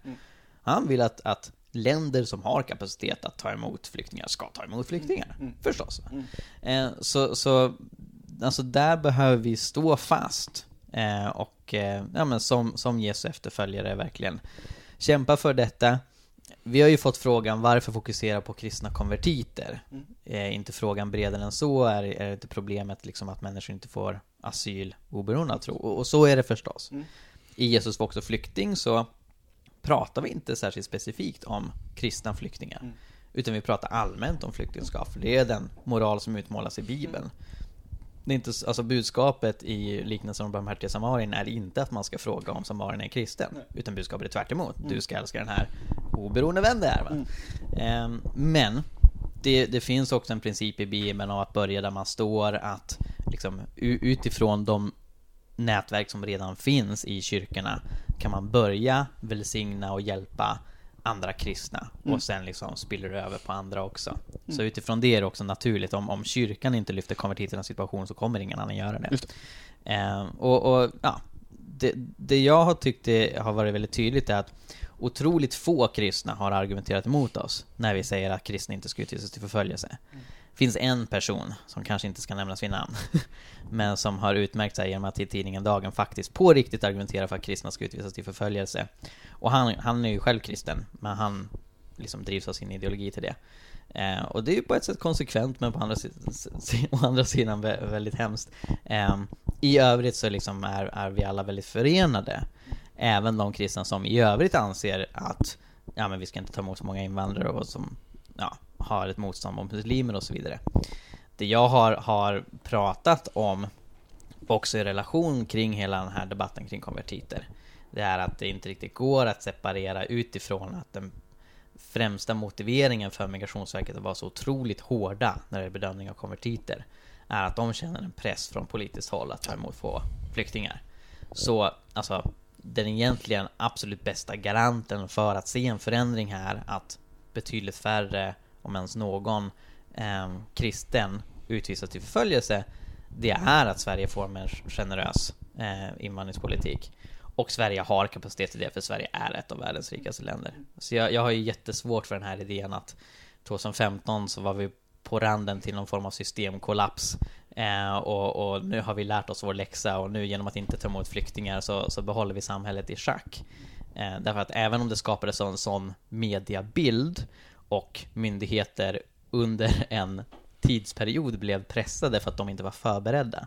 Så är inte det samma sak som att ett av världens rikaste länder skulle sakna pengar helt plötsligt.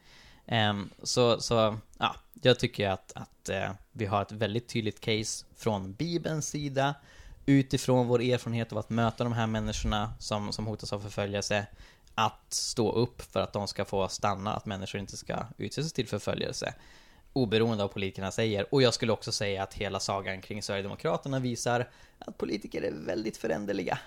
Eh, och att vi ändå lever i ett samhälle där det är relativt enkelt att omforma hur samhället går eh, genom opinionsbildning. Och det är därför jag ägnar mig åt det. Eh, därför att eh, det är inte så att politikerna har bestämt sig och sen håller de för evigt fast vid en sån position, utan de väldigt många politiker idag är lyhörda för vad befolkningen tycker. Om kyrkan har en enad position som kan sprida sig vidare till andra så kan det skapa förändringar som hjälper mängder med människor. Väl svarat. Tack. Eh, vi ställer ju två frågor som, till var och en som eh, besöker oss. Och eh, eh, Den första av dem är Vem är Jesus Kristus? Så det är min fråga till dig. Ja, hur många timmar har jag på mig? Eh, ungefär en. Ja, det var bra. Eh, Jesus Kristus är Guds son, eh, vilket innebär att han är Gud själv. Eh, världens frälsare, den enda vägen till evigt liv. Eh, vårt största moraliska föredöme. Eh, människan som visar vem Gud är för att Jesus Kristus är Gud som blev människa. Världshistoriens viktigaste person. Eh, och jag tycker helt ärligt, jag vet att jag är partisk, men jag tycker helt ärligt att jag aldrig har stött på någon som säger så kloka och liksom, samtidigt kärleksfulla saker som, som Jesus. Så första gången jag öppnade Bibeln så verkligen golvades jag av liksom, vad är det här för röst som talar? Och jag har fortfarande inte funnit något annat exempel på en person som liksom har ja, men så, så mycket kärleksfull auktoritet i sina ord som Jesus. Eh, så Jesus Kristus är fantastisk. Gött. Amen. Ehm, vem borde vi intervjua härnäst? Eller kanske inte härnäst, men någon gång i den här podden. Har ni haft Johannes Widlund? Aldrig. Ni har inte det? Inte en enda gång. Ja. Eh, Johannes är då eh, en av mina bästa vänner och eh, han leder God Jord som är en kristen miljö och rättviseorganisation. Och eh, väldigt kunnig, väldigt bra på att prata. Eh, och eh, ja, men har, har erfarit mycket. Eh, så han har ju liksom ett miljö och rättvisefokus som han liksom badar i sitt, sitt karismatiska, pingstkarismatiska tänkande. Eh, och en väldigt härlig person. Så honom kan jag rekommendera varmt. Tack så mycket. Ja, då är det dags att säga adjö. Och eh, vi ses på andra sidan. Eller något. Hejdå!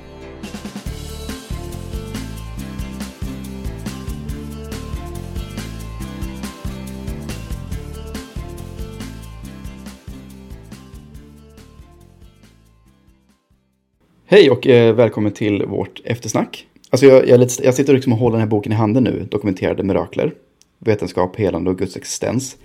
Något som slår en från början är liksom hur ganska ovanlig sån här sorts bok är egentligen. Just den här sortens blandning då av vetenskap, gudsbevis, faktiska fall. Det är en speciell sorts bok som jag inte kan minnas att jag inte sett någonstans innan. Nej, alltså inte på svenska kanske. Mm. Nej, precis. Nej. Nej, det har du nog rätt i. Det är kul. Det är ett eh, ganska gediget eh, arbete, tänker jag. Liksom att, ja, inte minst bara sätta upp så här ramarna för det, hur man ska gå tillväga och sen vad man ska, vad det är man ska leta efter. Och i hans fall då, leta efter VOTEB. Ja. Vetenskapliga, åh nej, vad säger man? Vetenskapliga, Vetenskapligt oförklarade tillfrisknanden efter bön. Bra! snyggt. Tack, tack. Någon har gjort läxan, vad skönt. Ja, det verkar, eh, han verkar ha fyllt en, eh, en nisch som var efterlängtad. För jag såg på Facebook att han har sålt 3000 böcker redan.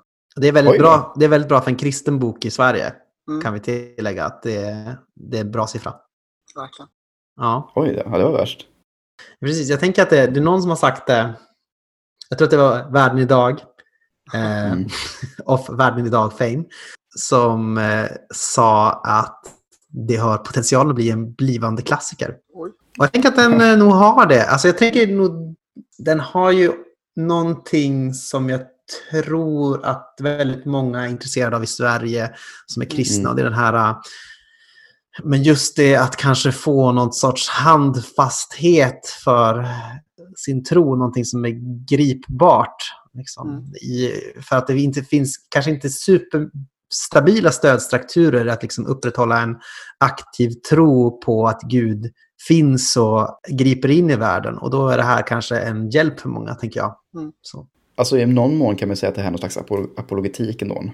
Ja, Och det det, och, det kan, och det kan intressera ganska många på Ja. olika sätt. En del för att eh, man, man vill ha, många söker den sortens stöd och tycker att det är intressant i sig självt. Och sen kanske lika många som jag vet som, som är högljutt ointresserade av apologetik med. Mhm. ja. Liksom, eh, ja, nej, det, kan- det, Är du, är du en, är du en apologet, är, du- tillhör du eh, team apologetik eller team without apology?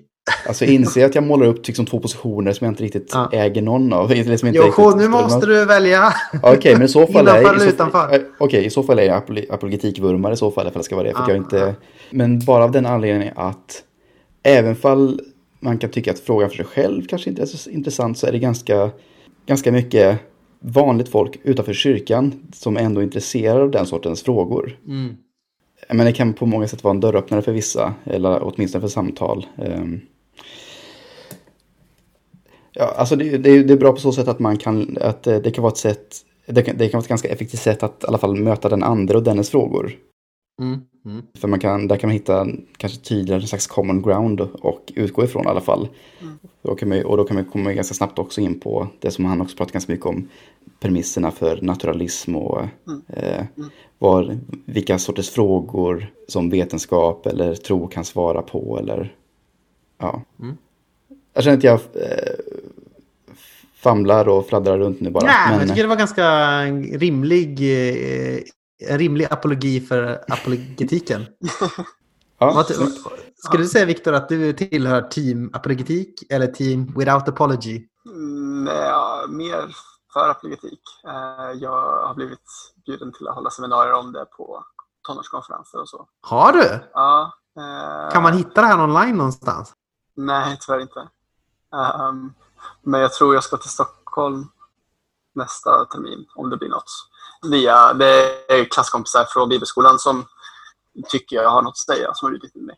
Eh, så jag, och då pusshade jag ihop någonting och så blev det något. Men det är absolut ett intresse. Jaha, så du är liksom du är lite resande liksom eh, förkunnare i apologetikbranschen. ja. Men bland de första teologiska böckerna jag läste var Simply Christian vänta, vilken är det som är Anti Rights bok och vilken är C.S. Lewis bok? Ja, de i alla fall. Ehm, Det är Anti-Right is Simply Christian. ja, precis. Och C.S. Lewis bok heter... Jaha, kan man vara kristen? fast- Jag tror att den heter Ja. Mere Christianity på... Ja, exakt. Den, mm. Ja, Stämmer. så.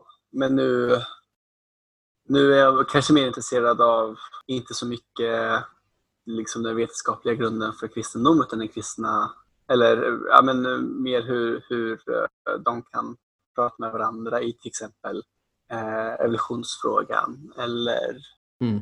existen, alltså mer filosofiska frågor. Typ. Mm. Eh, jag tror det nämndes i, i eh, intervjun att jag kommer studera teoretisk fysik. Eh, Mm. Och det är mycket av den anledningen. Liksom. Ja, just det. Det är intressant. Så. Om man utgår från att både vetenskap och kristen tro har något att säga om verk, vad är verkligheten då. Roligt. Verkligen.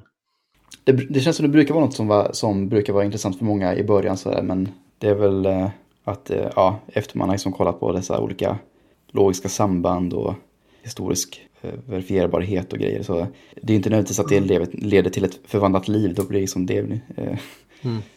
Men hur, väl hur, ställer, hur den, ställer liksom du dig i förhållande till Mikael Grenholm då? Ja, alltså eh, jag tillhör väl mer eh, familjen without apology än eh, familjen eh, apologetik. Men vad skönt, kan, då kan du ta den, ta den bollen idag. Bara för att jag är så konträr liksom, som person. Men det, det är nog framförallt för att jag är lite eh, liksom, närd vid Stanley Hauerwas barn. som jag har den liksom, inställningen till livet. Okej, Eh, vad, skulle, vad skulle det innebära då i korthet för den oinvigde? Det finns inget med kort, i korthet när det kommer till mig Simon. Det borde du ha lärt dig vid den här tiden. Jo, men det är jag som, klipp, det är jag som klipper sen, men- så att det kan bli kort. Nej, men jag, jag, tänk, jag tänker väl lite grann eh, just frågan om... Jag tänker så här, om jag ska säga jag och Mikael Grenholm. Jag tror att det finns väldigt mycket, det finns nästan liksom lite olustigt mycket så här likheter mellan oss på, på vissa så här teologiska plan. Jag vet inte, jag kan inte bedöma personlighetsmässigt, men på teologiska plan så ska jag, båda är liksom intresserade av anabaptism, båda eh, är ganska så här, ganska stridbara pacifister om du ursäktar uttrycket. Båda är... Jag har inget problem egentligen med, med, med tron på mirakler, utan jag tror... Jag tycker inte att det är något konstigt att tro på mirakler, utan jag tror på mirakler och tror att Gud kan göra underverk, kan gripa in. Jag, tänker, jag tror inte på en sluten, sluten världsbild på det sättet. Vi är nog båda ganska så här, har något så här litet, litet, litet drag av systemkritik i oss båda två. Men det som jag tror kanske skiljer oss åt, Mm. det är att jag tror att Mikael Grenholm är mer av en modernist än vad jag är. Okay. Och det är just därför att han förutsätter mer att det finns en en gemensam utkikspunkt för alla människor kanske. Alltså att det finns en sorts, eh, att man finns just där som du nämnde eh, Simon, att det finns en common ground. På ett sätt så finns det såklart en common ground, men jag tänker att det, jag, jag tänker nog mer på, på kristen tro som inte att vi ska försöka hitta, hitta, en, com, hitta en common ground, utan att vi ska liksom förklara hur världen ser ut därifrån vi tittar. Liksom. Mm. Det är mer det som är grejen eh, med kristen tro. Och jag tror att Mikael Grenholm är mer liksom att nu ska jag bevisa utifrån de här premisserna som vi alla kan dela med oss om att Gud finns, att Gud eh, är en verklighet och sådär. Jag tänker det att eh, jag tänker nog mer på evangel så på mirakler som tecken. Mm. Men, men de här tecknen, om man läser evangelierna, de verkar inte vara otvetydiga. Alltså när Jesus gör någon frisk Mm. så betyder det inte att alla liksom drar samma slutsatser av det. Mm. Utan för de som följer Jesus så är det uppenbart att det här pekar emot att han är Messias.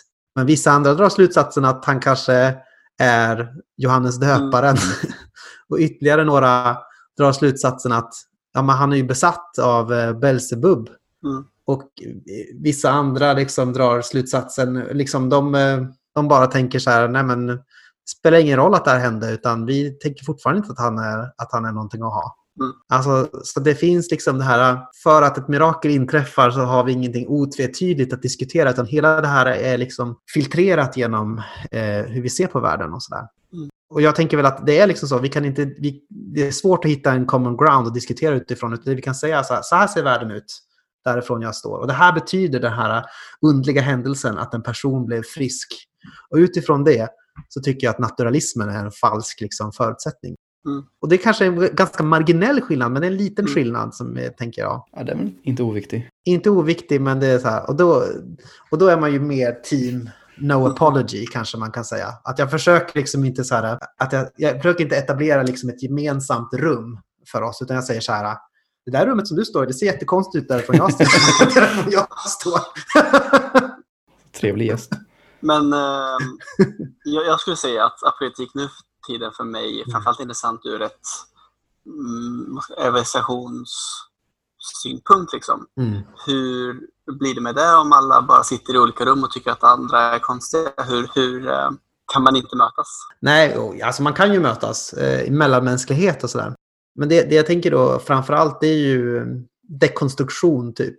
Tänker jag är ofta ett sätt att skapa ett möte liksom. Om vi säger att jag möter en ateist då. Mm. Så är det mer så här att jag liksom börjar peka liksom på olika premisser som är liksom som han har bara tagit för givet om hur världen fungerar. Men till exempel naturalism då eller Mm. något sånt där.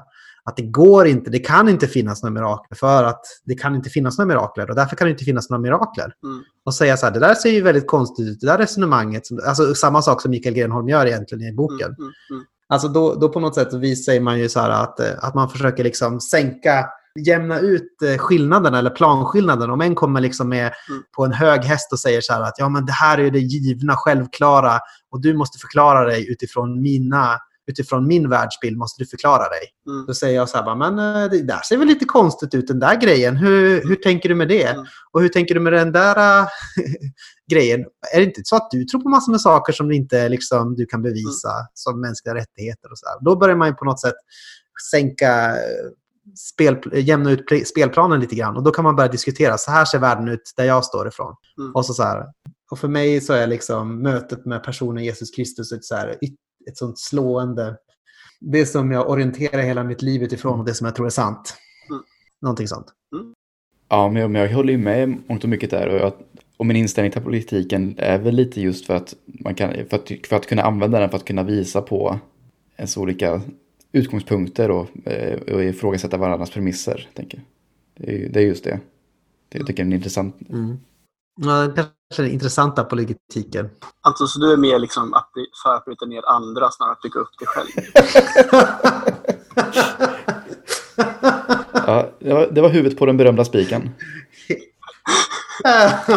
Precis. Ja, även, Ja, jag, står svarslös. jag står svarslös. Jag står svarslös och tillintetgjord. jag vet inte, men ibland kan ju en del ha liksom, eh, vissa funderingar kanske utifrån eh, som kanske vill använda evolutionsteorin för att skjuta ner eh, liksom, eh, rimligheten med Guds existens. Men då vill säga, ja men är det, är det egentligen den sortens frågor då kan, den kan svara på? Liksom, det, du pratar ju om en, en, eh, en teori för varför vi har den sortens biologiska mångfald som vi har och, liksom, och hur det utvecklas men det säger ingenting om något, något telos eller varför eller eh, ja, det blir en väldigt grundläggande sortens här ifrågasättande av ens utgångspunkter och premisser typ. Mm. Ja. Du hade någon så här ingång på det va, Viktor? Eller du, du hade något eh, evolution, evolutionistiskt att säga? Ja, nej men eh, jag håller på, har på länge nu.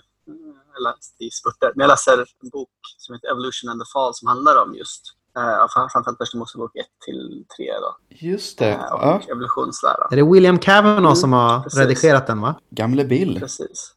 känd från avsnitt två. Och, Ja. eh, och James eh, Smith, Smith. Mm. som är väldigt intressant. Olika eh, teologer och vetenskapspersoner som har olika saker att säga. Och vissa är mer måna om att se likheterna och, och liksom, ja, det är ungefär samma ordning. Lite som vi pratade om, tror jag, i podden också.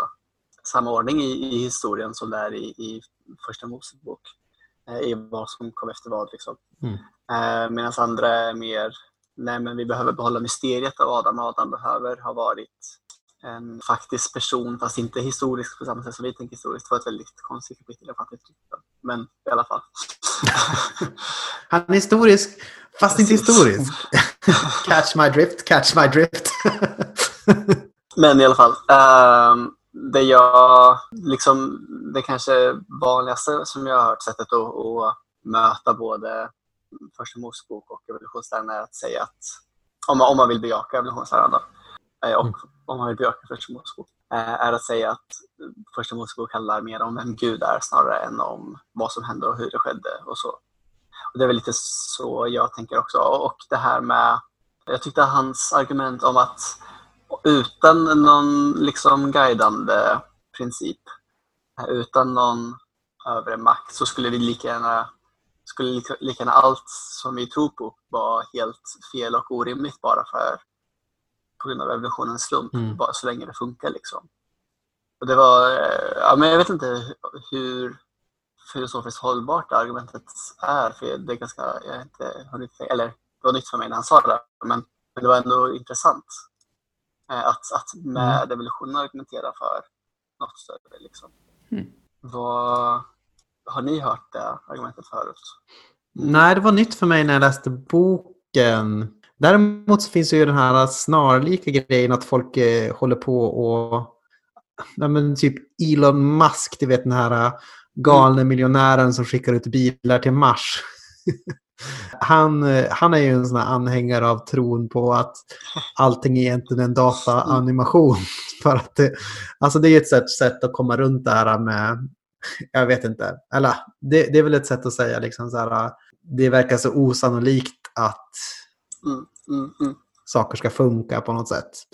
så därför måste det vara en, en, en dataanimation. Jag vet inte riktigt vad jag ville komma med det här, men jag tänker det är väl någon sorts liknande att man tänker att ja, han utgår ju från att, att våra sinnen då kanske på något sätt bedrar oss.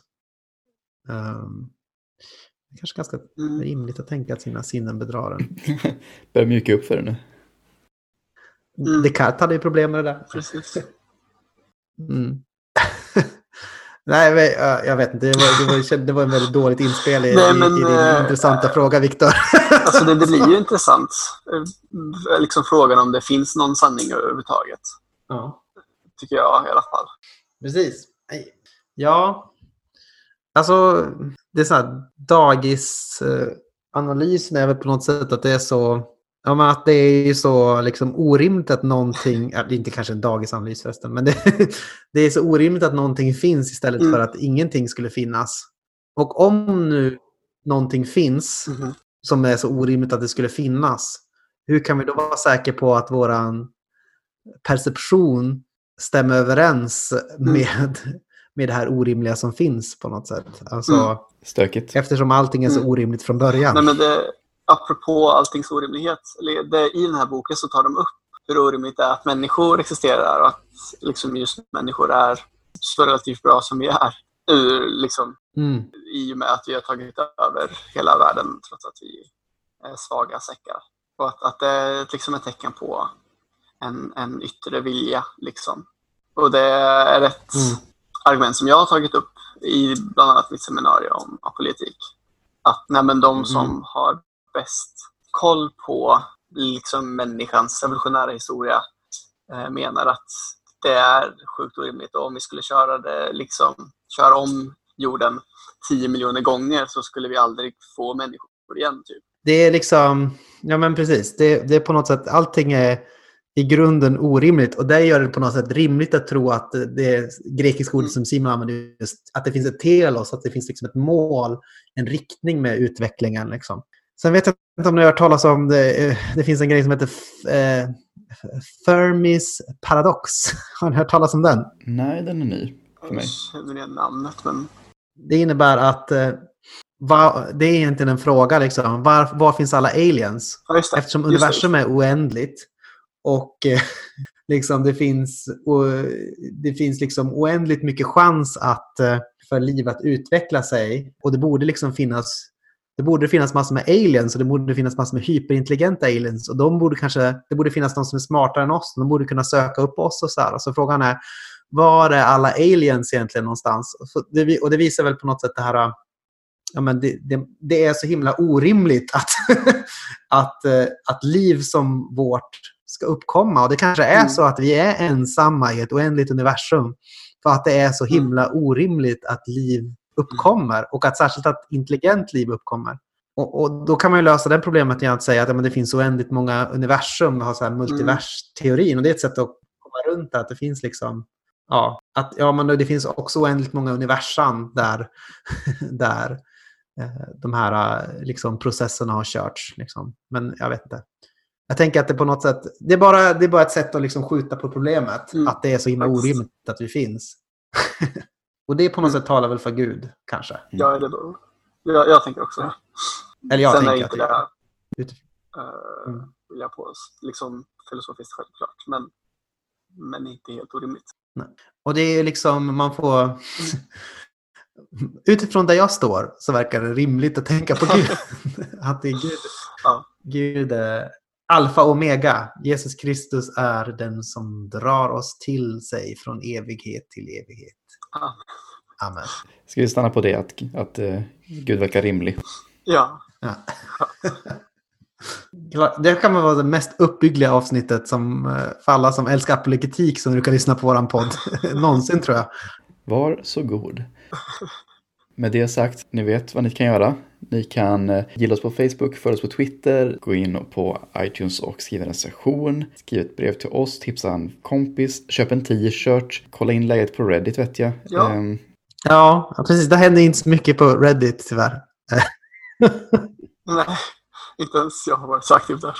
Jag som startade. Det finns en diskussion man kan kolla in. Ja, oh well, det finns mycket man kan kolla in där Ja. när man ändå är där. Ja. Ehm, man kan starta nya. Mm. Vi kan snacka om hur bra politik är, eller lite. mm. Om man ska bygga upp Ja, mindre, eh, precis. Anton som mindre intresserad av att bygga upp sig själv och mer intresserad av att riva ner andra. Exakt. Nästan som en sorts definition. Jag blir nästan mer som en sorts djävulsfigur här som kommer bara få slakta och förgöra. Some people just want to watch the world burn. Yes, du är Jokern.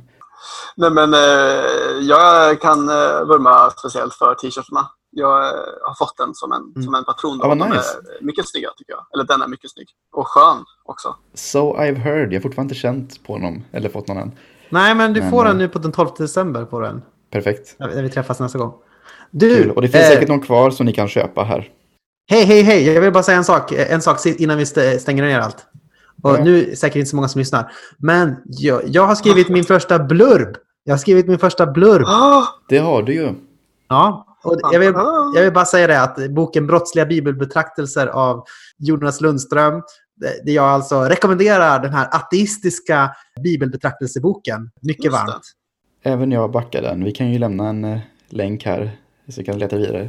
Jonas Lundström som vi, eh, som vi pratade med ganska tidigt i den här podden. Ja, en kär, en kär internetvän till mig faktiskt. Vi har mycket gott utbyte med varandra. För mig bara en kär vän. Vi ses ganska ofta. En helt vanlig vän. Ja. Som skriver böcker och ligger i. Han vill bli peppa. Mm. Vi lämnar det så. Ja, Tack och adjö. Fridens. blod och eld.